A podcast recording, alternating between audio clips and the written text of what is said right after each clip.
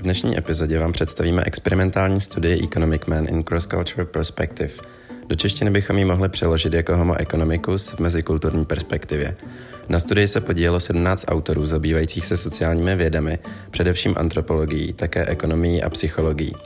Autoři se snaží odhalit vzorce chování při rozhodování napříč kulturami, protože dosud byly podobné experimenty prováděny jen na vzorcích studentů a chyběla tak kulturní rozmanitost. Dle ekonomů se lidé chovají podle takzvaného axiomu sobeckosti, tedy že dělají vše proto, aby maximalizovali své hmotné zisky a předpokládají, že ostatní se budou chovat stejným způsobem. V mnoha výzkumech bylo odhaleno, že se lidské chování od tohoto předpokladu odchyluje. Nebylo však jasné, zda se jedná o obecný vzorec v lidském chování, který by byl platný pro všechny společnosti, nebo zda se jedná o následek vzorku respondentů, který v předchozích výzkumech tvořili studenti vysokých škol. Henrich a další autoři tak chtěli zjistit, zda lidské chování ovlivňuje jejich hospodářské a sociální prostředí. Pokud ano, tak které faktory ho ovlivňují nejvíce a také zda hrají roli individuální atributy jako věk, pohlaví, vzdělání nebo spíše atributy společnosti, ve které jedinec žije. Pro tyto účely byly provedeny experimentální hry Ultimatum Game, Dictator Game a Public Goods Game v 15 malých společnostech napříč 12 zeměmi, čtyřmi kontinenty a Papuou Novou Guineou. Impulzem pro tento výzkum byl experiment na amazonském kmeni Macigenka, u kterého byla objevena významná odchylka od výsledků na studentech.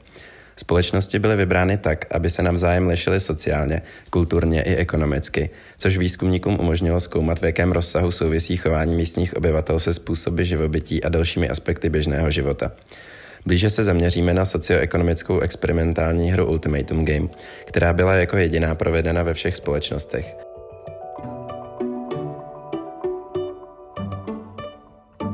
Hru hrají dva hráči s cílem rozdělit si mezi sebe určitou sumu peněz, většinou jeden denní plat.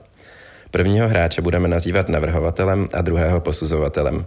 Hru začíná navrhovatel tím, že zvolí, kolik peněz dostane každý z hráčů a tuto informaci předá posuzovateli. Ten má poté dvě možnosti. Buď nabídku přijme a v tom případě každý z nich dostane příslušnou sumu peněz, nebo odmítne a pak žádný z hráčů nedostane nic. Předpokladem je, že oba hráči chtějí maximalizovat své zisky. Pokud má posuzovatel zvolit mezi nulou a nenulovou částkou, vždy by měl nabídku přijmout. S tímto vědomím by měl navrhovatel nabídnout nejnižší možnou nenulovou částku. Tento předpoklad podporující axiom sobeckosti byl však ve všech experimentech porušen.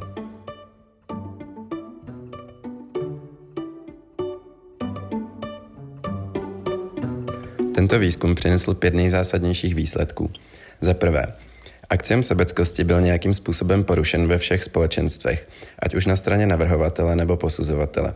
Za druhé, mezi jednotlivými skupinami je mnohem větší variance, než bylo původně pozorováno.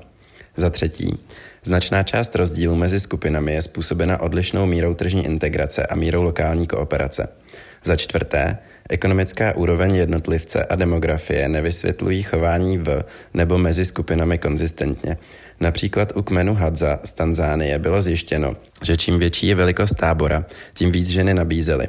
U mužů to ale neplatí. V kmenu Cimane z Bolívie zase muži nabízeli v průměru o 10% více než ženy.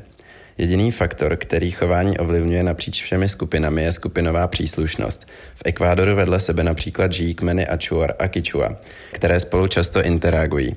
Dokonce mezi sebou uzavírají manželské svazky. Jejich chování se v Ultimatum Game ale výrazně liší. Kmen Achuar nabízel průměrně 43%, zatímco Kichua jen 25%. A pátým výsledkem je častá reflexe vzorců interakcí v běžném životě.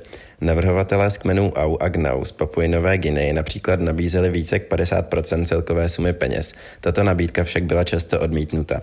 V těchto kmenech platí, že po přijetí daru je obdarovan darovateli zavázán. Textu není patrné, zda a v případě jakým způsobem byla při Ultimatum Game zachována anonymita mezi spoluhráči. V případě, že by se hráči znali, mohli být právě proto štědřejší. Další otázkou je možnost generalizace výsledků na širší skupinu obyvatel. Ze studie totiž není zcela jasné, k čemu mohou být výsledky použity s ohledem na zaměření na velmi specifické skupiny lidí. Dnešní epizodu pro vás připravili Laura Pecíková, Libuše Rajchlová, Iva Šouplachtová, Michal Bubeníček a Petr Kovalčík.